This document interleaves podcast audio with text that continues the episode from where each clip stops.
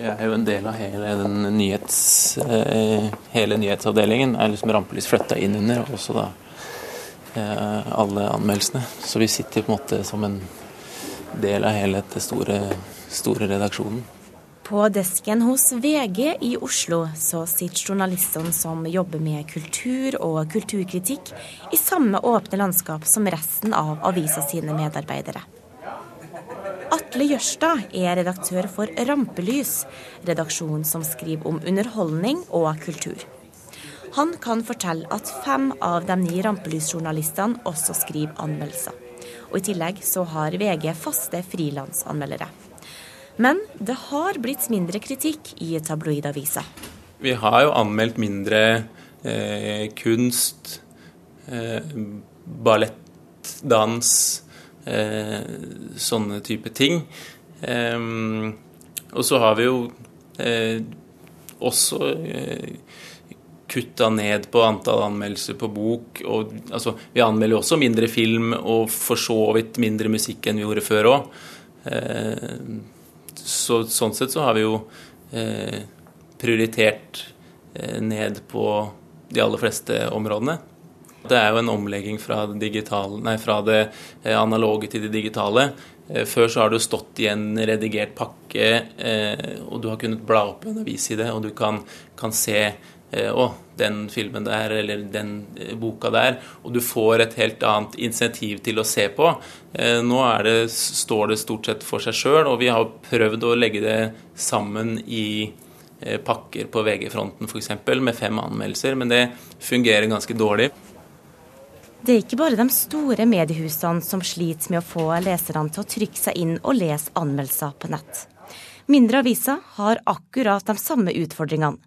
Det forteller Helge Nitteberg, redaktør i regionavisa Nordlys i Tromsø. Kulturkritikken er som annen kulturjournalistikk utfordra på den måten at eh, den har eh, svakere lesning enn både mediehusene og andre skulle ønske. Eh, da mener jeg svak lesning i form av at når de er tilgjengelig på åpent eh, nett, så er, så er det lav lesning. Og når de er bak en betalingsmur, så er det også lav, lavere lesning enn innenfor veldig mange andre sjangere. Og innenfor kulturjournalistikken så er kanskje kulturkritikken et av de områdene som sliter mest med å engasjere og lesere og, og treffe et, eh, et lesersegment som gjør at man kan finansiere den med den modellen som veldig mange norske mediehus etter hvert bruker, nemlig brukerbetaling eh, digitalt. I dag skal Kurer handle om kulturkritikk i norske medier. Hva skjer når mediebedriftene står overfor økonomiske utfordringer og leserne ikke vil betale for anmeldelser på nett? Det er store forventninger som ligger der fra langt tilbake, forventninger som mediehusene har skapt om at vi skal være til stede på ett og alt av å fortelle om ting som skjer i forkant innenfor kulturen. Det er vel og bra, eh, men jeg tror også at den realitetsorienteringa ikke er eh, Vi har ikke vært gode nok til å realitetsorientere eh, kulturlivet om, om interessen for journalistikk på deres område. Og så tror jeg vi må stille større krav til oss sjøl og den journalistikken vi bedriver innenfor kulturen. Og så, eh, er det bra om kulturlivet også er innforstått med at uh, veldig mye av den kulturjournalistikken som bedrives i dag, har lav interesse og lav lesning. Det er ikke dermed sagt at den er verdiløs. Mye av den kulturjournalistikken som lages i dag, er både velment og har sin funks sine funksjoner. Men jeg tror at uh, vi, både kulturlivet og ikke minst journalistikken, er tjent med at vi innenfor kulturen, og også sportsjournalistikk, er, er langt mer utfordrende enn vi jevnt over er i dag. Skarpere, mer undersøkende journalistikk, mer kritisk journalistikk, også innenfor kultur. En anmeldelse skal omtale og vurdere et produkt. Det kan være et teaterstykke, ei utstilling, ei bok eller en danseforestilling, ja, et hvilket som helst kunstuttrykk. Kritikeren skal gi oss en kritisk helhetlig vurdering av konserten eller av romanen. Og en godt skrevet anmeldelse kan være en leseropplevelse i seg selv. For en dreven kritiker har gjerne sin egen måte å føre penna på. Men med de økonomiske utfordringene som mange redaksjoner står overfor i dag, så blir ikke penna plukket opp for å anmelde i like stor grad som før. Norske redaksjoner, de fleste av dem, eh, må kutte i bemanninga, og da går det selvfølgelig utover kulturkritikken også. Trygve Aas Olsen er fagmedarbeider ved Institutt for journalistikk og forfatteren bak boka Kritisk kulturjournalistikk. Han mener kulturkritikk er viktig fordi publikum trenger veiledning. Kritikeren tar gjerne på seg rollen som en slags samtalepartner. Har du lest ei bok eller sett en film, så kan en dyktig anmelder hjelpe til med å sette det du har opplevd inn i en større sammenheng, eller få deg til å tenke videre publikum trenger eh, noen som forteller dem at det er ikke sikkert at den boka som eh, alle bokhandlerne nå legger fremst i vinduet, enten det er Fifty Shades of Grey eller noe annet i den sjangeren, at det er den beste boka. Eller for å si det sånn, det er helt sikkert at det ikke er den beste boka. Og noen må fortelle publikum sånne ting. Eh, det er punkt én. Det andre er at, at den virkelig ambisiøse kritikken Eh, den har også som mål å gi kunstneren og kunst, kunst, eh, eller kulturinstitusjonene en kvalifisert tilbakemelding som sier at nei, nå er du på feil spor, eller ja, dette var kjempebra, gjør mer av det. Ikke sant? Eh, kulturlivet fungerer i en slags, må fungere i en slags sånn symbiose med kritikken, ikke sant? Og kulturlivet skal Eh, må, kritikken skal være så god at den, at den gir liksom eh, kvalifisert tilbakemelding til de som driver med kunst og kultur, slik at de eventuelt kan justere sin, eh, sin kurs. Og det siste er jo rett og slett å, å eh, vise eh, mangfoldet, vise publikum eh, hvor rikt kulturliv vi har. Altså Vi som er glad i kunst og kultur, vi, vi tror jo at kunst og kultur gir bedre livskvalitet, gir eh, fine opplevelser til publikum. Ås Olsen mener også at kulturkritikk blir nedprioritert på to ulike måter. Store redaksjoner kutter i antall anmeldelser, men prøver å opprettholde kvaliteten. Mindre redaksjoner prøver å gjøre like mye som før, men da går det gjerne utover kvaliteten. Jeg vil si at uh, det er mer alvorlig at uh, man, man, reduserer kvaliteten. Personlig så syns jeg ikke det er noe krise om noen færre bøker og plater og noen færre teaterforestillinger uh, blir anmeldt. De som, de som vil ha mest mulig kulturkritikk, det er gjerne de som Eh, setter opp disse teaterforestillingene og gir ut bøkene og platene. Og de, de vil jo ikke i utgangspunktet ha kritikk, de vil ha omtale. Eh, men det er jo ikke kritikkens oppgave å, å eh, omtale flest mulig arrangementer og produkter. Kritikken skal gi publikum og kunstnerne en, en kvalifisert vurdering av eh, kulturproduktet. Og problemet er jo da, som sagt, hvis den hvis den uh, vurderinga ikke blir god nok. fordi at man, uh, når man nedskjærer ned, så har man ikke råd til å, til å engasjere kvalifiserte kritikere, men overlater dette til, til billige frilansere eller, eller, den som tilfeldigvis er på, på kveldsvakt. Det syns jeg er det største problemet. Hva kan lokalaviser gjøre da i disse tilfellene? Altså, jeg vil faktisk eh, råde de lokalavisene som, som, føler at de ikke har råd til en kvalifisert eh, kritikk, eh, jeg vil råde dem til å slutte med det. Det er bedre å la være å si at OK, nå, nå nedprioriterer vi kritikken, for vi klarer ikke å, å, å, opprettholde kvaliteten. Så kan de heller konsentrere seg om å gjøre det som de, som de virkelig er gode til. Altså eh, sette flere ressurser inn på å lage eh, god nyhetsjournalistikk også fra kulturområdet. Eh, og den journalistikken som folk forventer å finne i lokalaviser, og som bare finnes i lokalaviser. Så syns jeg heller at de som, de, det kulturinteresserte publikum får, får eh, kjøpe andre aviser, eller gå andre steder for å finne kvalifisert kulturkritikk. Og det finnes jo i stort monn. Altså, jeg tenker på aviser som Morgenbladet, Klassekampen, Aftenposten, Dagbladet, Dagsavisen. Det er flere aviser som fortsatt har en høy kvalitet på kulturkritikken sin. Og det er ikke noe vanskelig å få tak i dem. De ligger jo både på nett og i, delvis i Narvesen enda. Kulturkritikk av god kvalitet er absolutt tilgjengelig, sier Ås Olsen. Avisene han ramser opp her, har først og fremst tilholdssted i Oslo. Så hva med utstillinger og scenekunst som settes opp ut i distriktene? Reiser de nevnte avisene rundt om i landet for å anmelde? Det er jo et problem, eh, for det gjør de i svært liten grad. La oss si f.eks. Eh, Regionteatret og andre. De, de eh, får sjelden besøk av kulturkritikere fra, fra de store redaksjonene.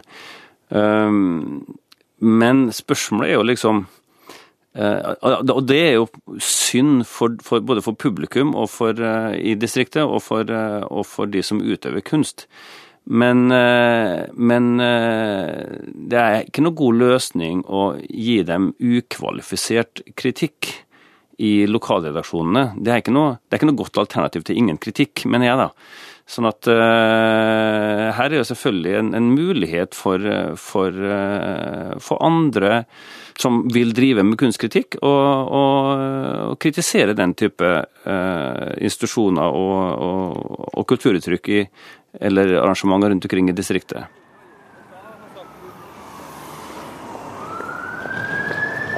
En liten spasertur fra VG sine lokaler i Akersgata og ned til Grønland. Her holder Klassekampen hus. For et artig kontorlandskap. Ja. Eh, og nå har det blitt så mange med oss da. For det avisa jo bra, og vi har mange ansatte. Så nå er vi fordelt på fire etasjer og ja, mange som jobber i avisa. Vi har hatt heldigvis eh, økt eh, mye de siste årene.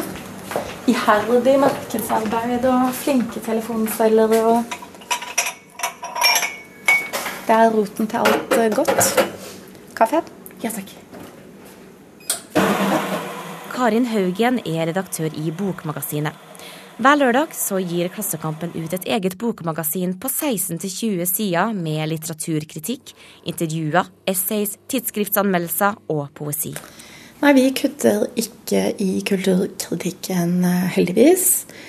Og, mm, og vi har mye av det.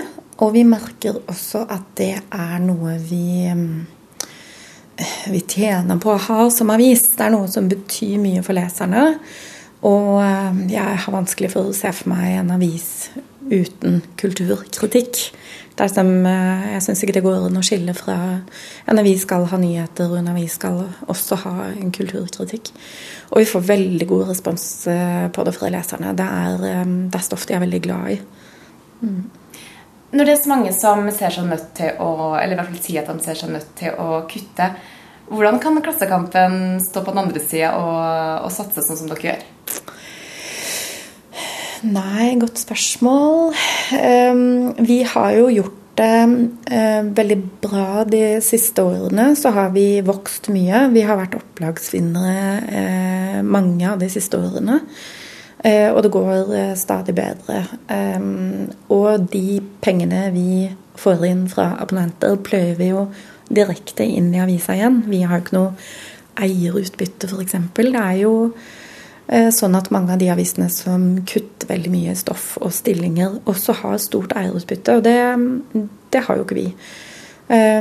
og så har vi også lyst til redaksjonelt å bygge opp dette stoffet. og vi har Bokmagasinet, og vi har siden Bokmagasinet starta, også starta opp et musikkmagasin.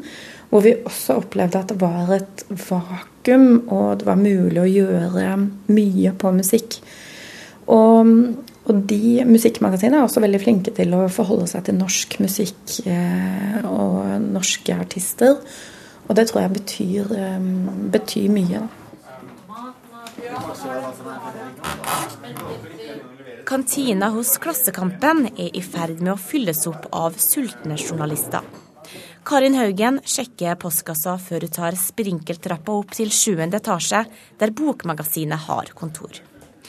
I ei tid som er prega av store overskrifter, terningkast og tidspress, er hun bekymra for det vi gjerne omtaler som den langsomme journalistikken. De kuttene som har kommet i kritikken eh, nå, i de store avisene og i regionsavisene, de tror jeg ikke er noe bra for eh, helheten.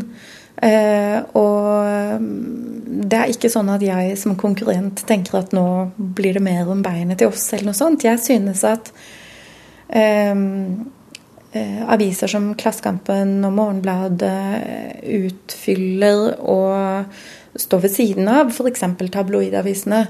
Og at det er viktig at eh, f.eks. VG og Dagbladet og Aftenposten er breie, vitale steder hvor det Eh, hvor det trykkes mye forskjellig kritikk. Eh, det er vi alle tjent med. Eh, og jeg snakker jo også med mange forlagsfolk som merker godt de kuttene, og som er bekymret for dem. Og, og, jeg deler den bekymringa. Og jeg synes også det er dumt at f.eks. Bergens Tidende kutter i kritikken, og at de også samkjører anmeldelser sammen med Stavanger Aftenblad. For det er noe med at eh, eh, mediene er eh, ofte Oslo-sentrerte. og eh, det har en verdi eh, med et blikk eh, som er plassert i en annen by, i en annen region. Det har en verdi med et blikk som kommer fra en annen kant. Så, så jeg skulle veldig gjerne sett at de bygde det opp igjen.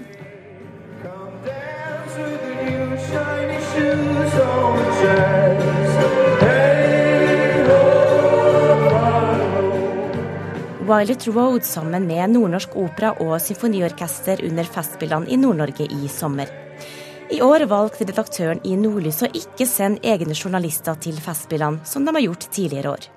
Det fikk avisa negative tilbakemeldinger på, noe Helge Nittberg svarte på i en kronikk. Han forklarer at pga. de økonomiske utfordringene avisa står overfor i dag, kan ikke forventningene fra kulturlivet oppfylles. Nitteberg presenterte et forslag om øremerka støtte til kulturkritikk. Det har en funksjon å fortelle eh, et publikum i et nærområde om hva som skal skje på en festival, selv om ikke det er særlig unikt og undersøkende. Men det har en funksjon eh, for, for, det lokale kulturlivet å fortelle om et program f.eks. på en festival. Så det mener jeg at eh, mediehusene ideelt sett burde ha eh, kapasitet til å gjøre fortsatt, selv om man, jeg mener at man burde prioritere i langt større grad undersøkende og kritisk kulturjournalistikk. Og Derfor har jeg tatt til orde for, eh, som et forslag, at man eh, kan se på et spleiselag eh, der eh, man både tenker crowdfunding, brukerbetaling, og offentlig støtte fra Kulturdepartementet, f.eks. Og Det betyr ikke at Kulturdepartementet skal eh, sponse all kulturjournalistikk i Norge, men gi et bidrag, slik at man også kan ivareta kulturjournalistikk eh, som ikke nødvendigvis blir lest av det, store publikum, men som eh, har en verdi og en funksjon. Nitteberg forteller at forslaget i stor grad har blitt avfeid av kollegaer i mediebransjen. Selv om han mener en debatt om dagens finansiering er på sin plass, mener også Nordlys-redaktøren at det først og fremst er opp til redaksjonen selv å finne en måte å formidle kulturkritikk som engasjerer leserne. I ettertid mener Nitteberg at det var feil avgjørelse å ikke sende egne journalister til Festspillene. Det var feil. Vi burde ha sendt noen dit, egne reportere. Eh, så valgte vi da i dette tilfellet, eh, av ulike årsaker, å benytte oss av et samarbeid vi har med en eh, lokalavis i Harstad. Men til neste år så kommer vi til å sende egne journalister dit. Og da med, med utgangspunkt at vi skal finne noe unikt og være kritisk. For å prøve å få opp de svake lesertallene på kulturkritikk, hva vil bli Nordlys eh, metode for å endre det her? Våre svar kommer til å være å lage mer undersøkende og unik kulturjournalistikk, og ikke gjøre det samme som vi har gjort i, i veldig lang tid. Eh, en kulturjournalistikk som er i for stor grad basert på kulturlivet sine premisser og deres ønsker om hva som skal eh, omtales. Fagmedarbeider Trygve Aas Olsen ved Institutt for journalistikk begynte å jobbe som kulturjournalist i den profilerte kulturavisa Dagbladet på slutten av 80-tallet. På den tida så skulle så å si alle mediehus begynne å anmelde kultur. Nå har trenden snudd, mener Ås Olsen. Når jeg begynte å lese Dagbladet på 70-tallet, i min hjemby Kristiansund, så leste jeg Dagbladet eh, mye av kulturstoffet, faktisk. Fordi at eh, jeg hadde lyst til å eh, få en kvalifisert vurdering av de filmene som kom på kino, de bøkene som ble utgitt osv. osv. Eh, da gikk jeg til Dagbladet, for det var den avisa, faktisk en av de få avisene som hadde skikkelig god eh, kulturkritikk. Eh, og de profilerte seg på det. ikke sant? Det var kulturavisa nummer én. Så gjennom 80- og 90-tallet så ble på en måte journalistikken eh, profesjonalisert, som vi sier. Det, var stort sett bra, men det førte til at veldig mange aviser ble mye likere. Alle skulle gjøre det samme.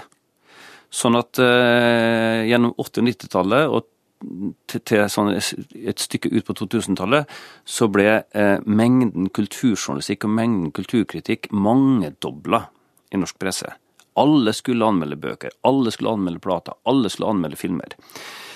Eh, nå opplever vi jo da at, uh, at det er ikke grunnlag for en sånn vekst lenger. Fordi at uh, som sagt det er en krise i, i forretningsmodellen til, til, mediene. Og da er vi tilbake til der vi begynte. ikke sant? Hva gjør man nå? Jeg mener at veien å gå som sagt, er å føre til en, det er en mer spesialisering. Er du bekymra for kulturkritikken i framtida, eller tror du vi vil få en god og brei dekning av kulturkritikk? Jeg er ikke så veldig bekymra, egentlig. Jeg tror at sånn som det norske samfunnet utvikler seg, hvis det fortsetter å utvikle seg slik, så vil vi få stadig mer kunst og kultur. Vi får mer fritid, vi får bedre råd.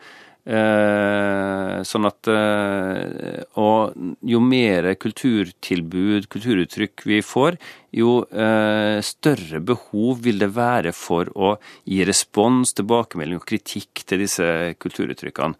Så vi vil nok oppleve at, at måten det skjer på, vil være litt annerledes enn hva vi er vant med. Men jeg er sikker på at det vil være et behov for kritikk, både i publikum og i kulturlivet. Og så lenge det er et behov, så vil noen svare på det behovet. Noen vil drive med kulturkritikk fordi at noen vil ha det. Men akkurat hvordan det skjer, det er ikke så godt å si.